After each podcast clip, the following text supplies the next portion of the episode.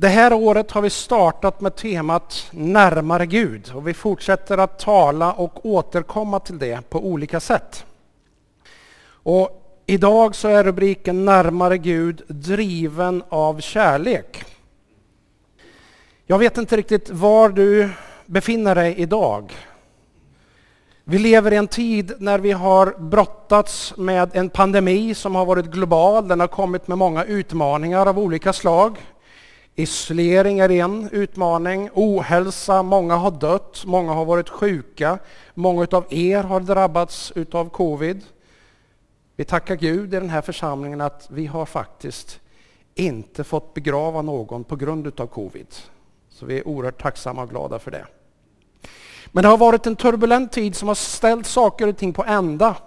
Och när vi liksom hoppades att nu är den här liksom värsta pandemitiden över, nu kommer den klinga ut. Då startar ett krig i vårt närområde som i värsta fall skulle kunna leda till ett världskrig. Någonting som hänger över oss utav oro och hot. Och jag vet inte riktigt var du befinner dig. Var befinner du dig i ditt liv? Är det liksom, är det Solsidan? Eller är det rörigt och kaos och osäkert? Jag tänker att båda de där lägena är fullt möjliga. Och ibland så tar vi in så mycket information, signaler av olika slag så att vi låter den här kaossidan få ta en större plats. Och med den kaossidan så finns rädsla. Och rädslan har en oerhörd kraft på oss människor. Den farligaste hunden har jag lärt mig, det är den rädda hunden. Jag har vuxit upp med hundar som har funnits med för att också vakta.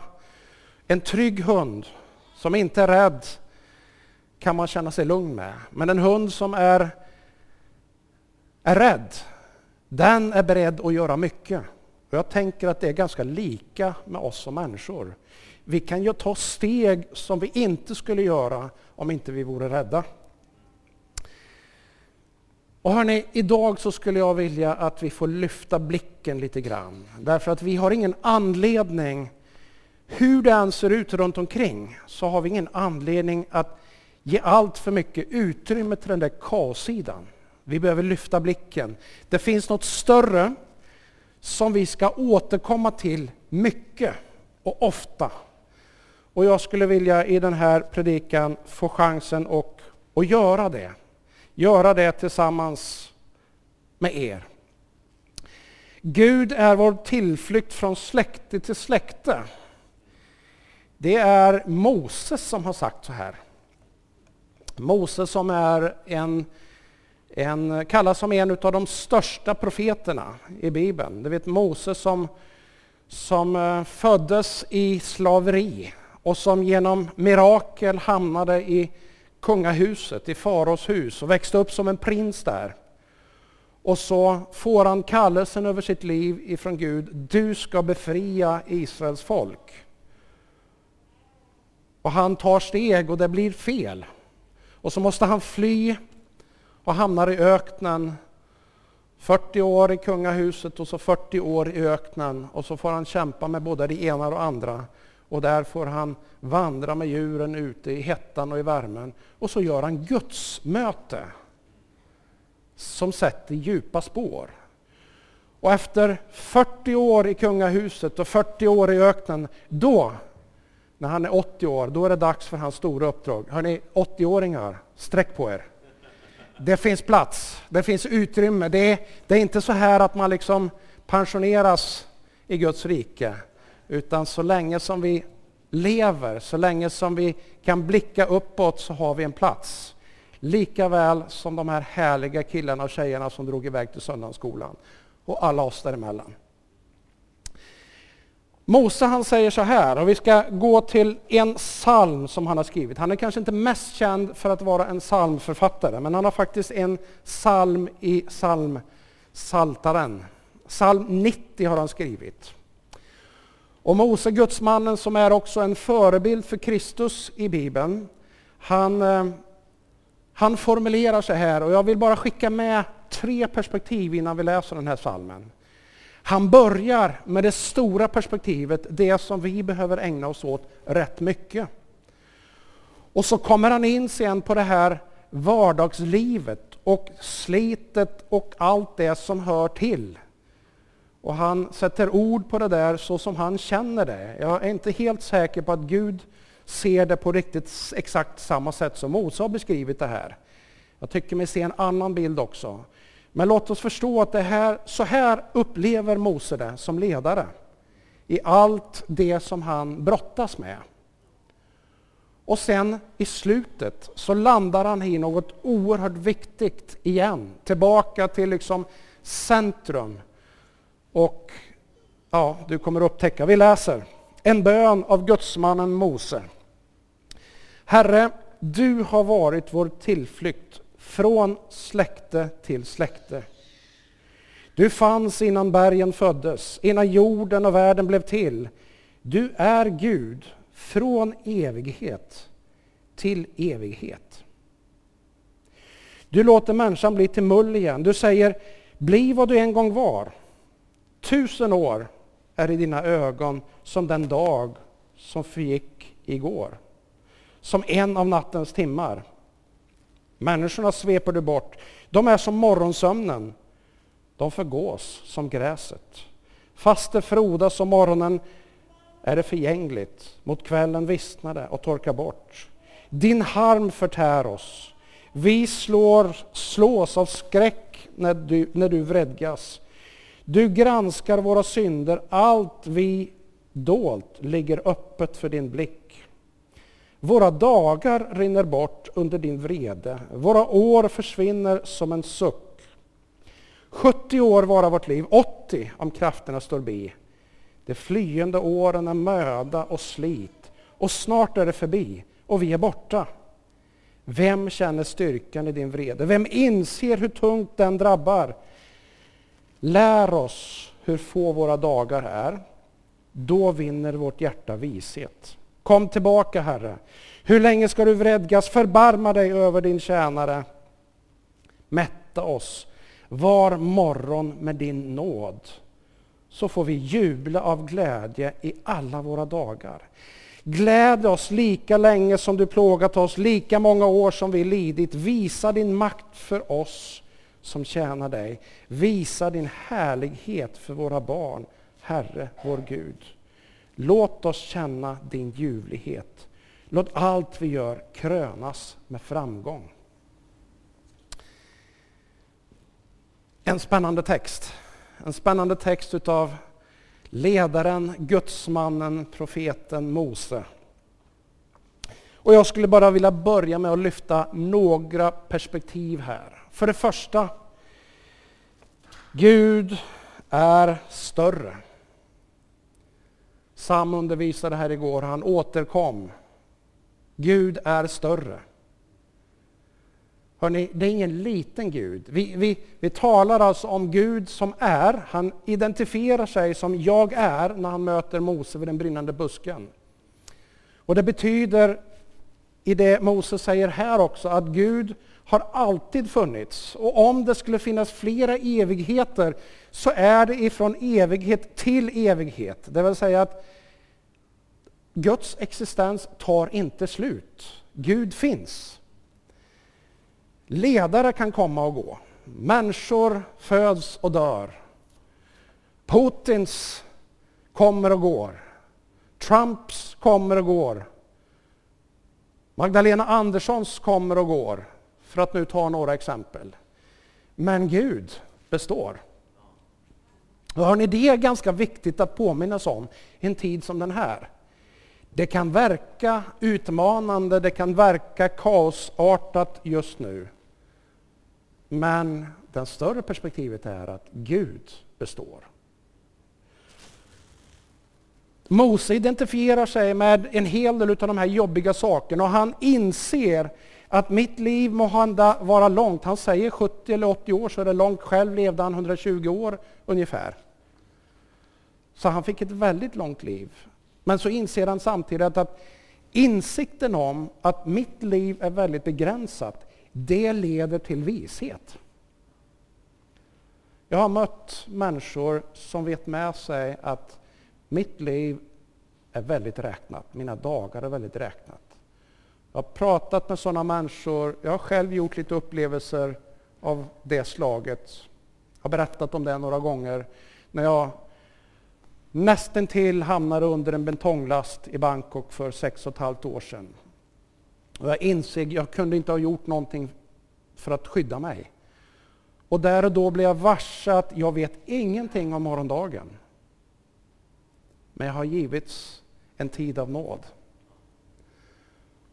Och när man möter en människa som vet med sig, jag har, jag har en vecka, jag har en månad, jag har en kort tid framåt. Då är det som att grumligheten rensas bort och ljuset klarnar. Vad är riktigt, riktigt viktigt?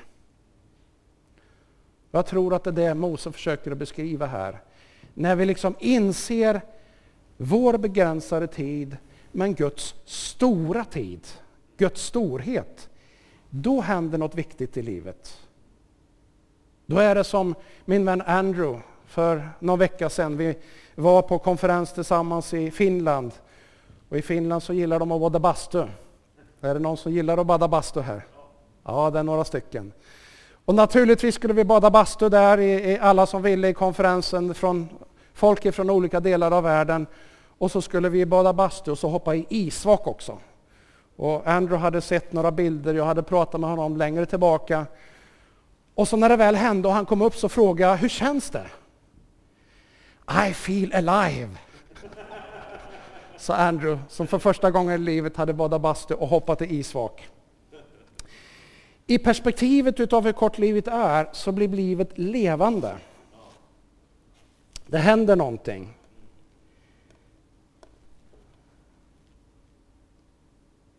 Våra dagar är begränsade. Det ska vi ha med oss i perspektivet. Men vi ska också ha med oss perspektivet av att Gud, Gud är större. Och vårt hopp, det riktar sig till Gud. Mose konstaterar att från generation till generation så är det Gud som har varit hoppet. Det är inte en speciell ideologi, det är inte en speciell trygghetssystem, det är inte en speciell försäkring, det är inte en stor summa pengar på banken, det är inte speciella ledare eller andra speciella omständigheter. Vad det är som verkligen bär, det är Gud. Naken kom du hit i livet, naken kommer du lämna härifrån. Och det enda du egentligen kan ta med dig, det är de som du har tagit med dig, som du har lett till Gud, som du också kommer få möta i himlen. Vi tar nästa bild. Vem är då den här Gud? Jag tänker att vi behöver återkomma till det. Vem är då den här Gud? Vi tar nästa bild. Vem är den här Gud som vi liksom säger att vi vill komma närmare? Och jag tänker att det är hoppets berättelse i kvadrat eller kubik eller upphöjt till vad du vill. Första Moseboken så står det så här att Gud, Gud skapade himlen och jorden. Och så är det beskrivet vackert hur det här gick till. Och Johannes, evangelisten Johannes, som är kanske en av de mest djupa tänkarna utav de fyra evangelierna, han konstaterar att från början så fanns ordet. Och ordet var hos Gud. Och ordet fanns hos Gud och ordet var Gud och det fanns i begynnelsen hos, allt, hos Gud och allt blev till genom det och utan det blev ingenting till utav allt som finns till. Och vem, vem är då ordet? Ja, det är Jesus Kristus. Jesus Kristus som kyrkan hängivet, envist valt att följa. Som vi som hans lärjungar valt att följa. Och som du som ännu inte har fattat det beslutet har möjlighet att välja att följa. Jesus känner vi och i påskveckan så följer vi dramat hur han som människa fick lida, fick dö och så småningom på påsksöndagen uppstå. Vi har i vår kyrka som i de allra flesta kyrkor ett kors som symboliserar det som hände under påskens vecka. Och det här som är förbannelsens symbol från början förvandlades utav Jesus själv till hoppets symbol. Gud ifrån den högsta position tänkbar möjlig kom ner, föddes i ett enkelt stall, levde här som människa och valde, valde av kärlek att dö för din och min skuld.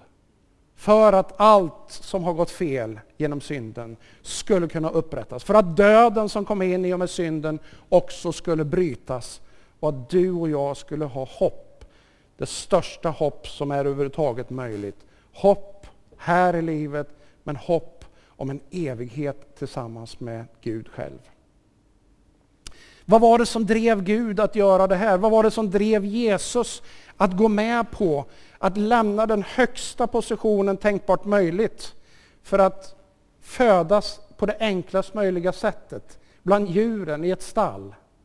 Inte ens ha en egen säng, utan en krubba fick han ligga i. Vad var det? Jo, det står så här. Så älskade Gud världen att han gav den sin enda son för att de som tror på honom inte ska gå under utan ha evigt liv. Till Gud sände inte sin son till världen för att döma världen utan för att världen skulle räddas genom honom. Vad var det drivkraften? Det var kärleken. Gud älskade. Gud älskade, han kunde inte leva med det faktum att synden hade drabbat människan och att den riskerade av att leda människorna fel, bort för evigt. Vet ni, ibland så kan man drabbas av det där. Jag kan inte leva med den här konsekvensen. Jag måste göra något. Några gånger i livet har jag drabbats av det. Och Gud drabbas utav den känslan. Jag kan inte leva med. Jag kan inte vara Gud. Johannes som beskriver Gud som kärleken själv. Jag kan inte, jag måste. Och därmed är han beredd att göra den största uppoffringen. Att Jesus föds, får leva, men också dö. Och vi talar ibland om skam och, skam och, eh, och hederskultur. Och om man tittar på den här händelsen utifrån ett hedersperspektiv så är det ett oerhört högt pris. Den högsta i hela universum. Den där bilden är tagen på stjärnvärlden. Är det någon som kan räkna stjärnorna? Hur långt är det bort till den yttersta stjärnan? Ja, det är bara spekulationer. Men det är väldigt, väldigt, väldigt långt. Men det är Gud som är skaparen av himmel och jord. Från den högsta tänkbara positionen så är han ödmjuk. Vad då? Driven av kärlek. Och det är därför som korset också har blivit förknippat, inte bara med hoppet, utan också med kärleken. Och jag skulle vilja säga så här att trons folk är kärlekens folk. Och då säger Johannes, i första Johannes säger så här. Kärleken är från Gud, mina barn. Låt oss älska varandra. Ty kärleken kommer från Gud och den som älskar är född av Gud. Ett annat uttryck är att säga att Gud har älskat och vi drabbas av den kärleken. Vi påverkas, vi värms, vi lyses upp av den kärleken. Och vad är då vår respons på den? Ja, vi vänder oss mot Gud.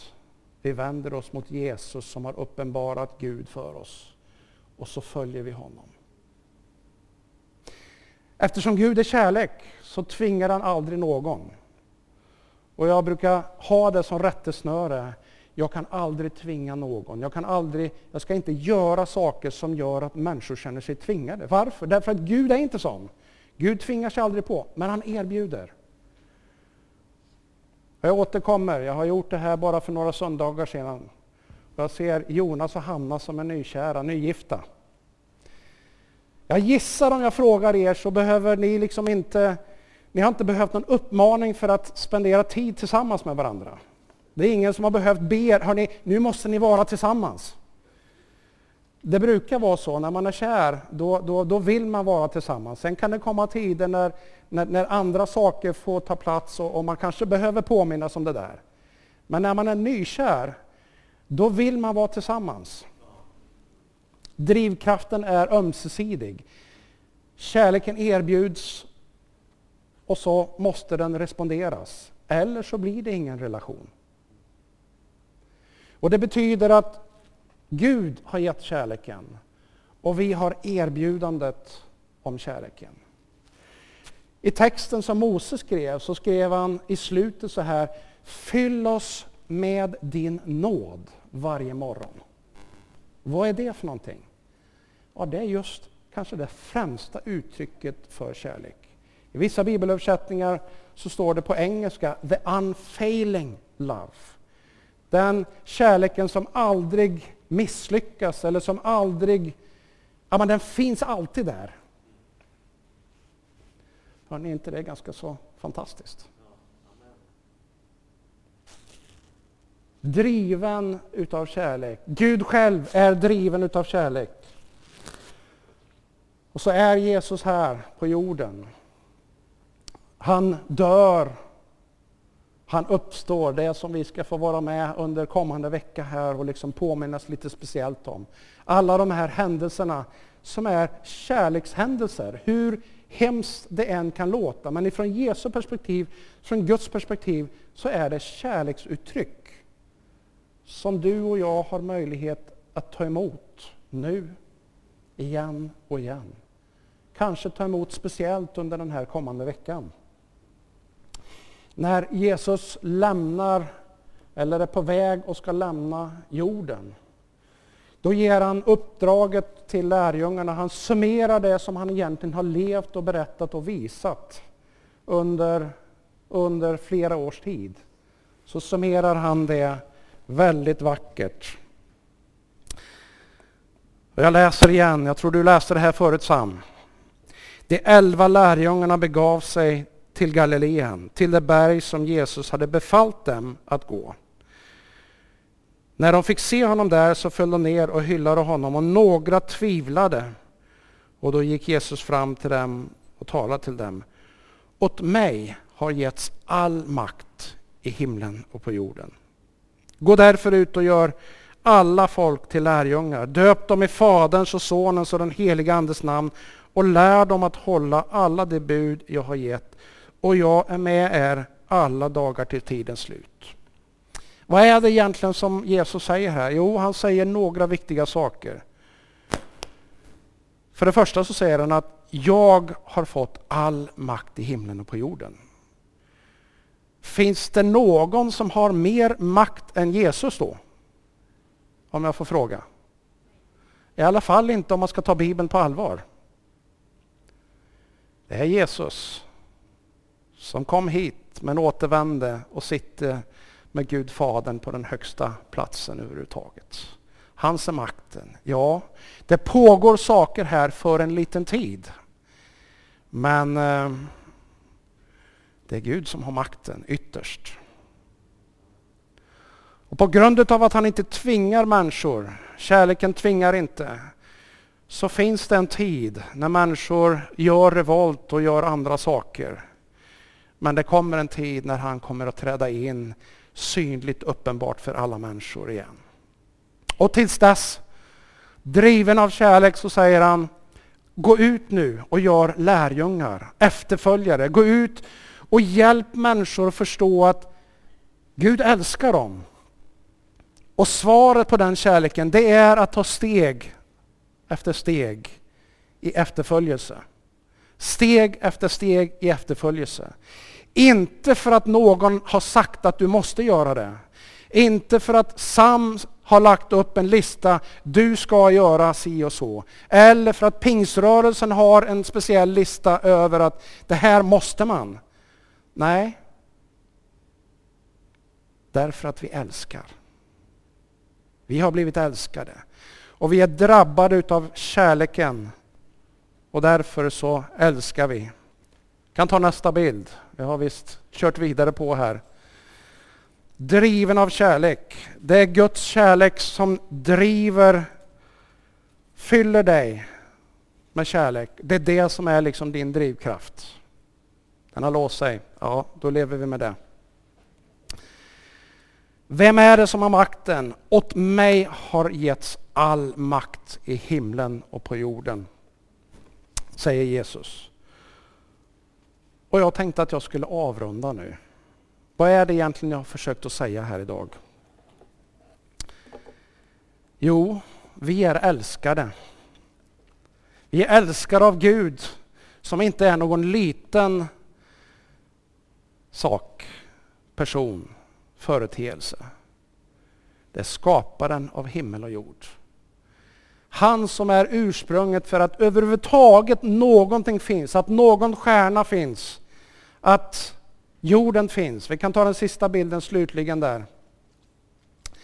Han som är skaparen av allt och har all makt, det är han som älskar dig och mig. Och vårt uppdrag eller möjlighet, erbjudande, det är att besvara den kärleken genom att börja följa Jesus. Ett steg i taget. Ett steg i taget. Och när vi gör det så fylls vi utav hans kärlek som gör det möjligt att älska. Rashid har berättat när han började läsa evangeliet från en muslimsk bakgrund så drabbades han av Matteus evangeliet. jag tror det är det sjätte kapitlet där Jesus undervisar om att älska era fiender. Hur kan man göra det? Ja, när man får ta emot Guds kärlek så gör den någonting med oss. Den förvandlar våra liv, som gör det möjligt till och med att älska våra fiender. Trons folk, det är kärlekens folk. Och hörni, har vi glömt bort det, då behöver vi påminnas om det. Det som kännetecknar oss har gjort genom alla tider. Sen finns det bristfälliga människor. Men det som ändå är grunddraget och kännetecknar Guds folk, det är kärleken. Kärleken till Gud och kärleken till människor. Och kärleken gör att vi väljer. Vi tvingas inte, men vi väljer att följa Jesus. Vi väljer att lyda hans bud. Vi väljer att prioritera annorlunda med både tid, med kraft, med pengar. Igår var det över hundra personer som prioriterade att ta sin lediga dag och vara här. Lyssna, fyllas, välsignas, tjäna, betjäna, bre smörgåsar, koka kaffe, välkomna vid dörren och allt det där andra som händer. Drivna av Guds kärlek. Guds kärlek väljer, hjälper oss, eller gör att vi väljer att visa omsorg. Det gör att vi väljer att dela hoppet, det eviga hoppet och hoppet här och nu med våra grannar, med våra medmänniskor. Och det gör att vi väljer att göra lärjungar här och till jordens yttersta gräns. Hörrni, vad har jag försökt att säga? Det är ingen liten Gud som vi tillber. Det är en stor Gud. Han drivs av kärlek och vi får ta emot den och fyllas av hans kärlek. Och då händer miraklet. Ska vi be tillsammans? Amen. Gud i himlen, tack för att du är så stor. Och med din storhet så är du inte bara stor utan du är också nära varenda människa. Och Herre, när vi nu går in i den här veckan utav påsk, när vi får påminnas över några väldigt viktiga kärlekshandlingar. Herre, låt oss kunna se det och ta emot det just som dina kärlekshandlingar. Låt oss också finna vägar att besvara den. Besvara den kärleken. Och Herre, tala med din heliga Ande till oss. Vad är det för någonting vi behöver göra för att respondera på din kärlek? Jag ber dig i Jesu namn. Amen.